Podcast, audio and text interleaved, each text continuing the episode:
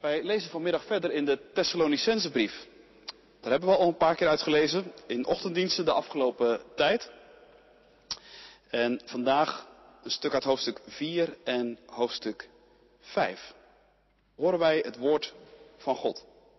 Broeders en zusters, wij willen u niet in het ongewisse laten over de doden, zodat u niet hoeft te treuren zoals zij die geen hoop hebben. Want als wij geloven dat Jezus is gestorven en is opgestaan, moeten wij ook geloven dat God door Jezus de doden naar zich toe zal leiden, samen met Jezus zelf. Wij zeggen u met een woord van de Heer, wij die in leven blijven tot de komst van de Heer zullen de doden in geen geval voorgaan. Wanneer het signaal gegeven wordt, de aartsengel zijn stem verheft en de bazuin van God weer klinkt, zal de Heere zelf uit de hemel neerdalen. Dan zullen eerst de doden die Christus toebehoren opstaan en daarna zullen wij, die nog in leven zijn, samen met hen op de wolken worden weggevoerd en gaan we in de lucht de Heer tegemoet. Dan zullen we altijd bij Hem zijn. Troost elkaar met deze woorden. Broeders en zusters, ik hoef u niet te schrijven over het moment waarop dit zal gebeuren. Want u weet zelf maar al te goed dat de dag van de Heer komt als een dief in de nacht. Als de mensen zeggen dat er vrede en veiligheid is, worden ze plotseling getroffen door de ondergang, zoals een zwangere vrouw door barensweeën. Vluchten is dan onmogelijk. Maar u, broeders en zusters, u leeft niet in de duisternis, zodat de dag van de Heer u zou kunnen overvallen als een dief. Want u bent allen kinderen van het licht en van de dag. Wij behoren niet toe aan de nacht en de duisternis. Dus laten we niet slapen zoals anderen, maar waken en op onze hoede zijn. Wie slaapt, slaapt s'nachts. En wie zich bedrinkt, is s'nachts dronken. Maar laten wij die toebehoren aan de dag op onze hoede zijn. Omgord met het harnas van geloof en liefde en getooid met de helm van de hoop op redding.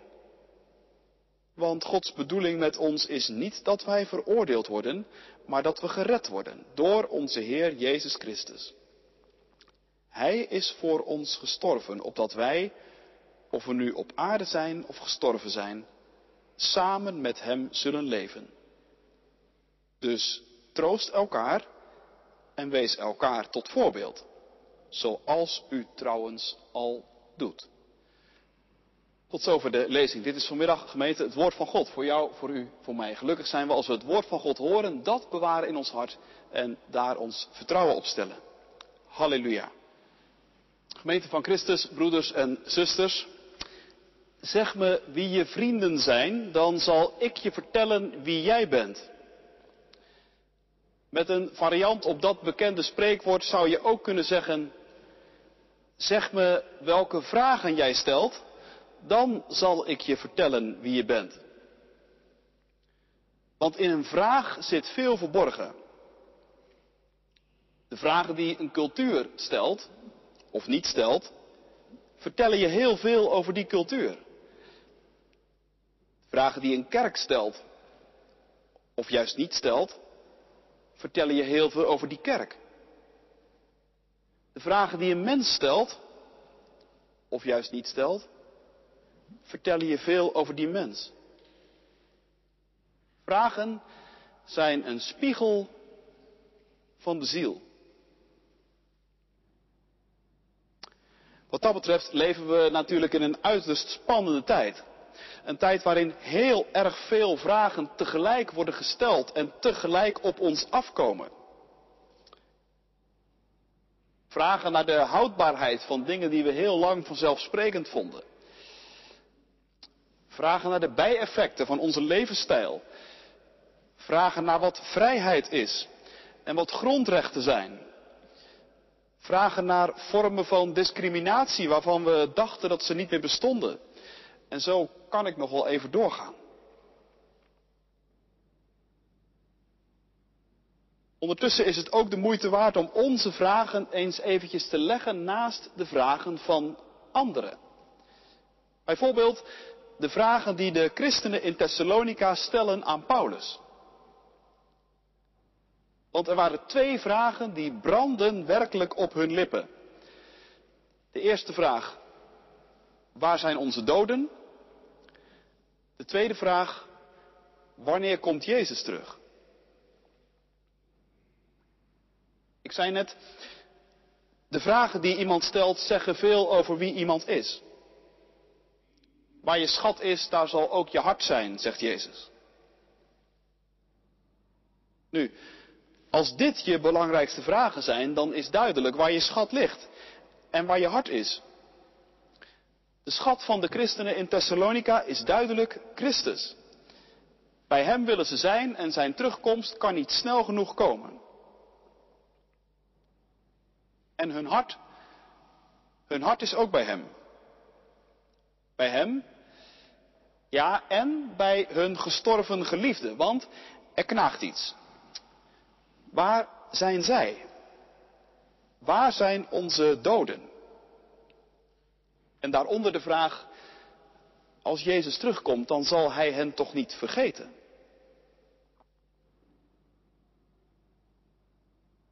Ik zei net, vragen zijn een spiegel van de ziel. Ze zeggen veel over wie je bent, als mens, als cultuur, als kerk. Dat geldt ook voor de vragen die niet gesteld worden. En als ik het goed zie, dan zijn de vragen van de christenen in Thessalonica nou niet per se meteen ook de onze. Het gaat wel veel over de doden bij ons, maar dan maken we ons vooral druk over hoe zij hun allerlaatste tijd aan deze kant van het graf zullen doorbrengen. En als het over toekomstscenario's gaat, dan vrezen we wel een economische depressie maar niet zozeer de wederkomst van Christus.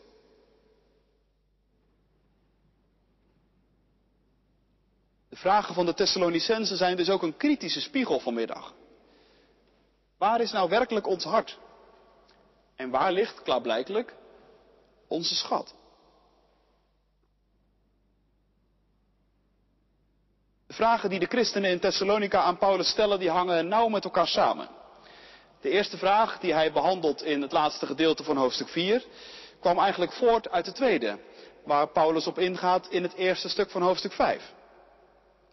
Want deze christenen, ze leefden in een stellige verwachting van een snelle terugkomst van Jezus. De gekruisigde en opgestane Heer die Paulus hen verkondigd had en waarin ze waren gaan geloven, die zal niet lang op zich laten wachten. Dat was hun stellige overtuiging. Binnenkort komt hij terug en dan zullen we altijd bij hem zijn. Die verwachting was zelfs zo sterk dat sommigen hun baan alvast maar hadden opgezegd. Nou, als je zo in het leven staat, dan is het natuurlijk een hard gelach als je merkt dat er ondertussen nog steeds mensen sterven. Gemeenteleden die ook verlangden naar Jezus terugkomst, die ook met Hem wilden zijn. Maar als die uit terugkomst van Jezus nou uitblijft, wat dan? Zullen onze geliefde doden dan Jezus alsnog mislopen? Zal hun grootste wens en hun diepste verlangen altijd bij Hem te zijn, zal die dan alsnog aan hun neus voorbij gaan? En wij die nog leven, zullen we onze geliefden dan toch moeten missen?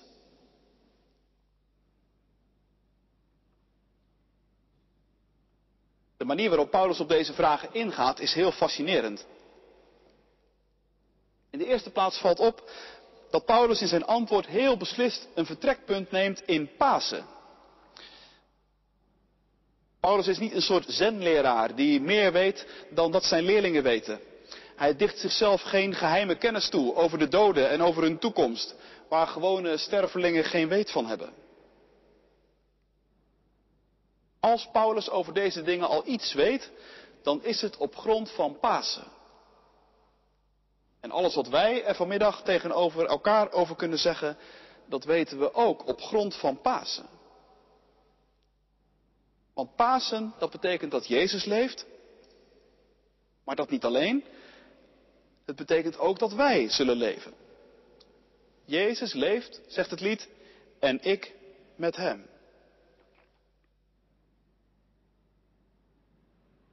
Als Paulus een poosje later de Korinthebrief gaat schrijven, dan gebruikt hij daar het woord eersteling. En dat is oogsttaal voor de eerste vruchten. Bij ons in de straat hangen op dit moment de braamstruiken overvol. Terwijl de meeste nog groen zijn, zijn er al een paar donkerpaarse te zien. Dat zijn de eerstelingen. Dat zijn de voorbodes van de overvloedige oogst die nog te wachten staat. Over een paar weken kunnen we onze lol op. Nou, zo'n eersteling is de opgestane Jezus. Hij is de voorbode van de grote oogst van straks. Als ook wij zullen leven met Hem. Die lijn die werkt Paulus in de Korinthebrief verder uit. Maar je vindt hem ook al hier. Als wij geloven dat Jezus gestorven en opgestaan is, schrijft Paulus, dan zal God ook op dezelfde manier hen die in Jezus ontslapen zijn, terugbrengen met Hem. Over de doden hoeven de christenen in Thessalonica zich dus geen zorgen te maken. Dat zij gestorven zijn terwijl Jezus nog niet teruggekomen is, dat is om het zo te zeggen geen probleem voor God. Want bij de grote oogst zullen ook zij present zijn.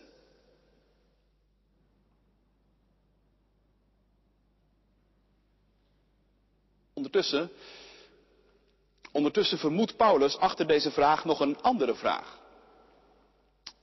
Want de vraag naar het lot van onze gestorven geliefde, dat is natuurlijk uiteindelijk een andere vraag. Dat is uiteindelijk een vraag naar de macht van God en de macht van Jezus. Zou onze God wel in staat zijn om dit te doen? Misschien stel je jezelf die vraag ook wel eens. Hoe groot is nou de macht van God eigenlijk? En ik denk, zo'n vraag wordt prangend. Die gaat jeuken en kriebelen als je geconfronteerd wordt met andere machten. Met machten die veel reëler en die veel sterker lijken dan de macht van God.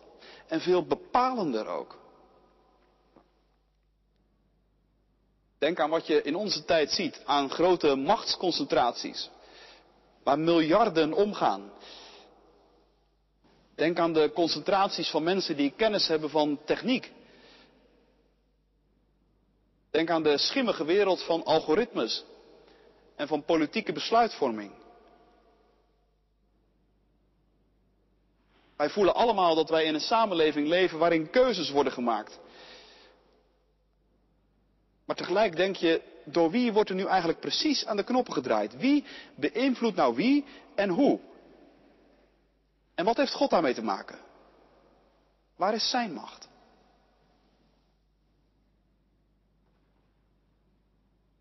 Christenen in Thessalonica herkenden die vragen. Ze zeiden het net als wij waarschijnlijk niet hardop. Maar Paulus is een goede pastor, die luistert tussen de regels door. Die hoort ook wat er niet gezegd wordt. En dat merk je aan de manier waarop hij schrijft over Jezus' terugkomst. Dat doet hij, het is je waarschijnlijk al opgevallen bij het lezen, in een, in een bijzonder soort taal. Dat noem je in de Bijbel de apocalyptische taal. Die kom je op verschillende plekken tegen. Het Bijbelboek Openbaring is er het bekendste voorbeeld van. Maar ook profeten als Daniel en Ezekiel staan er vol mee. Apocalyptische taal is taal die als het ware over de grenzen van de gewone gebruikelijke taal heen gaat. Het is taal die beelden oproept die over de grenzen van het bekende heen gaan. Het is een taal die heel veel mensen, en misschien herken je dat wel, ook wel moeilijk vinden. Of vaag, irrelevant, of zelfs een beetje eng. Maar toch moet je die taal niet te snel aan de kant schuiven. Ik denk veel meer, je moet die taal leren lezen. Zoals je ook een gedicht moet leren lezen. Eerst denk je, wat staat er nou eigenlijk precies? Maar als je het begrijpt, dan zie je ineens, inderdaad, dit kan alleen maar zo gezegd worden en niet anders. Dat geldt ook hier. Eerst denk je, waar gaat dit over? Het gaat over een stem, over een bazuin, over God die neerdaalt uit de hemel, over mensen die worden opgenomen in de wolken. Het gaat over een ontmoeting met Jezus in de lucht. Dat is voer voor spannende boeken en films. Die zijn dan over deze tekst ook veelvuldig gemaakt. Maar misschien denk je, als ik het zo lees, dan kan ik er nog nauwelijks chocola van maken.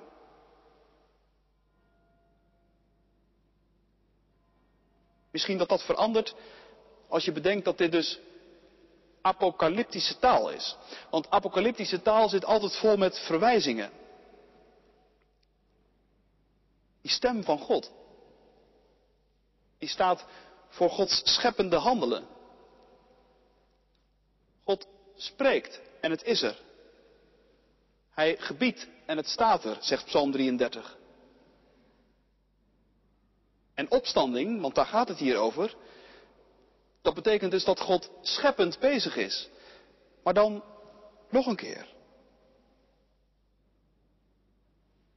En die bazuin waar het over gaat, dat is de shofar, de ramshoren.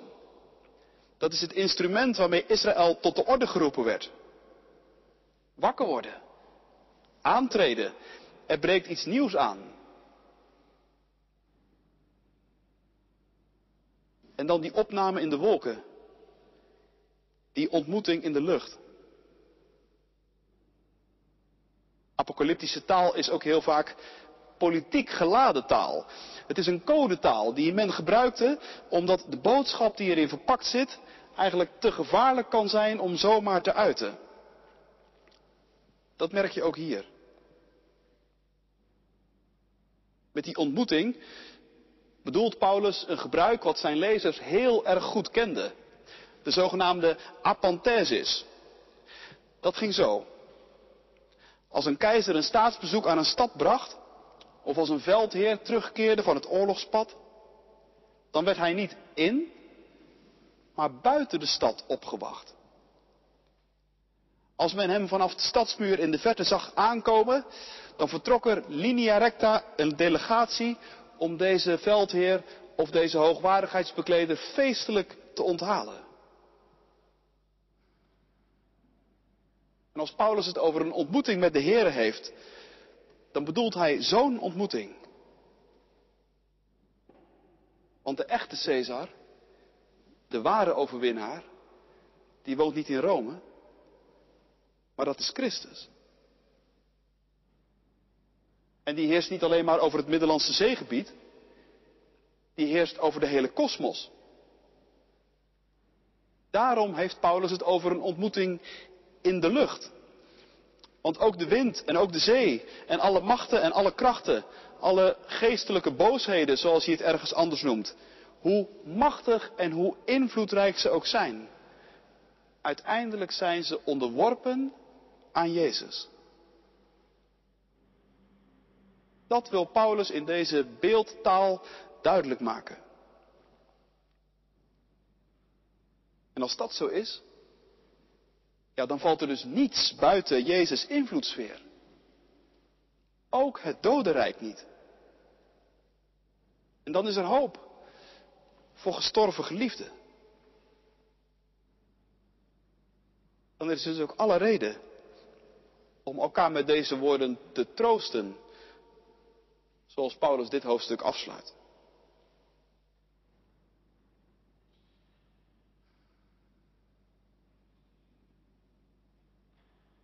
Maar dan die andere vraag nog. Wanneer komt Jezus dan terug? Want het duurt zo lang.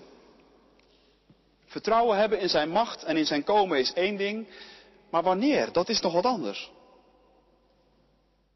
Wat nu als hij niet alleen de doden, maar misschien wel ons allemaal vergeten is? Ook die vraag kan zomaar onder je huid kruipen. Je krijgt al lezend het vermoeden dat de christenen in Thessalonica Paulus hebben gepusht om ook daar iets over te zeggen. Maar hier reageert Paulus nuchter. En hij laat zich er niet toe verleiden. Je weet het zelf, zegt hij. De dag van de Heer komt als een dief in de nacht. Met andere woorden, die dag die komt op een moment dat niemand kan voorspellen. Precies zo heeft Jezus het ook gezegd. Van die dag en dat uur weet niemand, behalve mijn Vader in de hemel. Tot die speculatie laat Paulus zich dus niet verleiden. Maar wel maakt hij meteen een kritische opmerking aan het adres van mensen die vrede en veiligheid verkondigen. En opnieuw is dat een zinnetje met een grote politieke lading. Er zijn namelijk ook mensen die Jezus liever zien gaan dan komen. Laat staan dat ze hem graag zien terugkomen. Dat zijn de machthebbers. Zij verkondigen vrede en veiligheid. En zij claimen dat zij het zijn die daarvoor zorgen. De Romeinen waren bijzonder trots op hun Pax Romana. Maar Paulus is er vooral kritisch op. Hij ziet namelijk niet alleen wat het oplevert, hij ziet ook wat het kost. Hij ziet hoezeer die hele Pax Romana, die hele Romeinse vrede, uiteindelijk gebaseerd is op een heel wreed systeem. Dat om een slachtoffer meer of minder echt geen traan laat.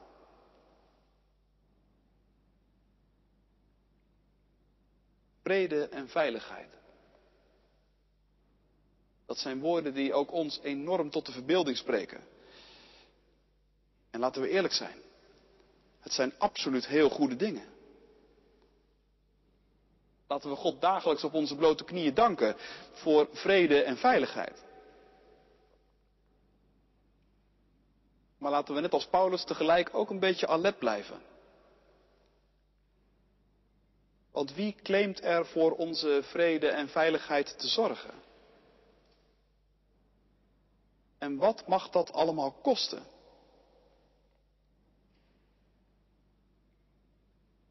Is vrede en veiligheid een wapenwetloop waard? Een anderhalve meter samenleving? Een controle-app? Het zorgvuldig kanaliseren van informatiestromen? Een beperking van vrijheden die notabene in de grondwet staan?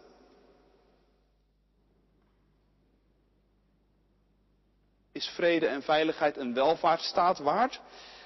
Die eigenlijk alleen maar kan bestaan omdat er elders op de wereld mensen zijn die onze spullen maken tegen een hongerloontje?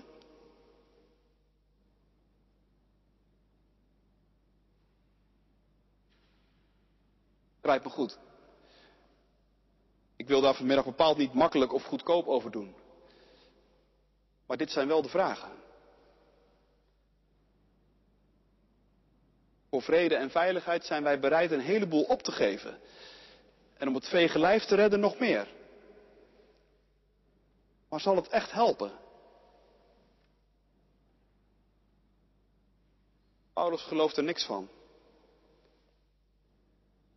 Als mensen zeggen dat er vrede en veiligheid is, schrijft hij, worden ze plotseling getroffen door de ondergang. Zo'n zin begrijpen wij vandaag ineens weer heel goed. En op diezelfde manier kun je dus ook verrast worden door de terugkomst van Jezus. Als een dief in de nacht zal hij ineens voor ons staan.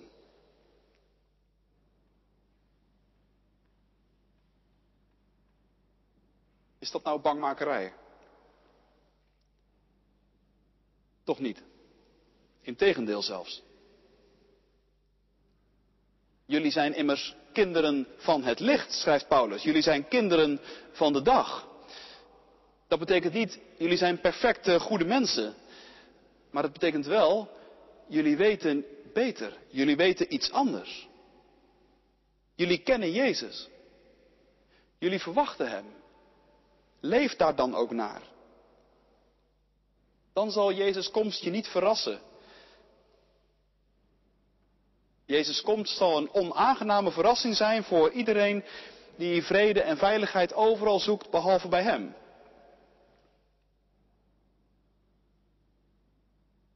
Het is slecht nieuws voor iedereen die vrede en veiligheid op eigen kracht meent te kunnen bieden.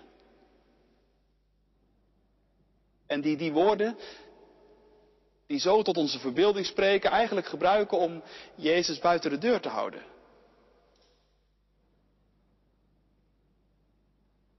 Wie daar zijn levenswerk voor maakt, die zal verrast worden door zijn komst. Want één ding, de komst van Jezus is niet tegen te houden.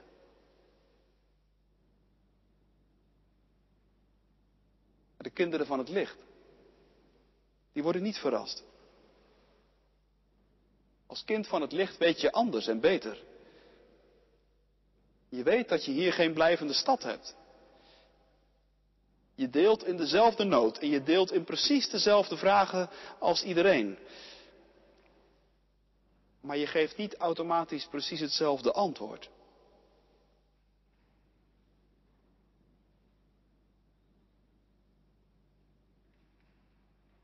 Tot slot. Straks wordt hier in de kerk avondmaal gevierd. Er wordt wijn geschonken en brood gebroken. Dat zijn de tekens van de gekruisigde en opgestane Heer, de koning van Pasen, die je genadig worden aangereikt. Het zijn tekens die net als die taal van 1 Thessalonicense een diepe betekenis hebben. En die betekenis die leer je begrijpen door de tekens tot je te nemen.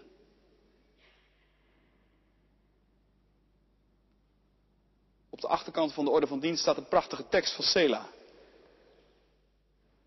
Dit breekbaar brood legt mij de woorden op de lippen.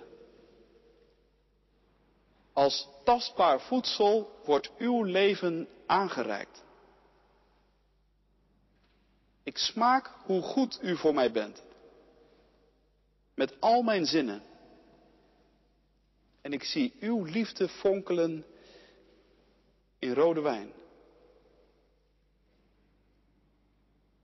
Prachtige woorden. Tastbaar voedsel wil ons wakker houden. Zodat we kunnen leven als kinderen van het licht. Tastbaar voedsel wil ons waakzaam en nuchter maken, zoals Paulus het in dit hoofdstuk ook zegt. Waakzaam zodat de komst van Jezus je niet zal overvallen.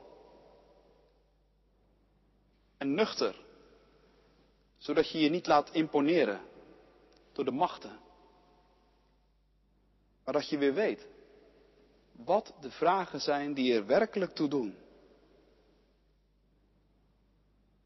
Zodat je weer weet waar je je vrede en veiligheid zoeken moet.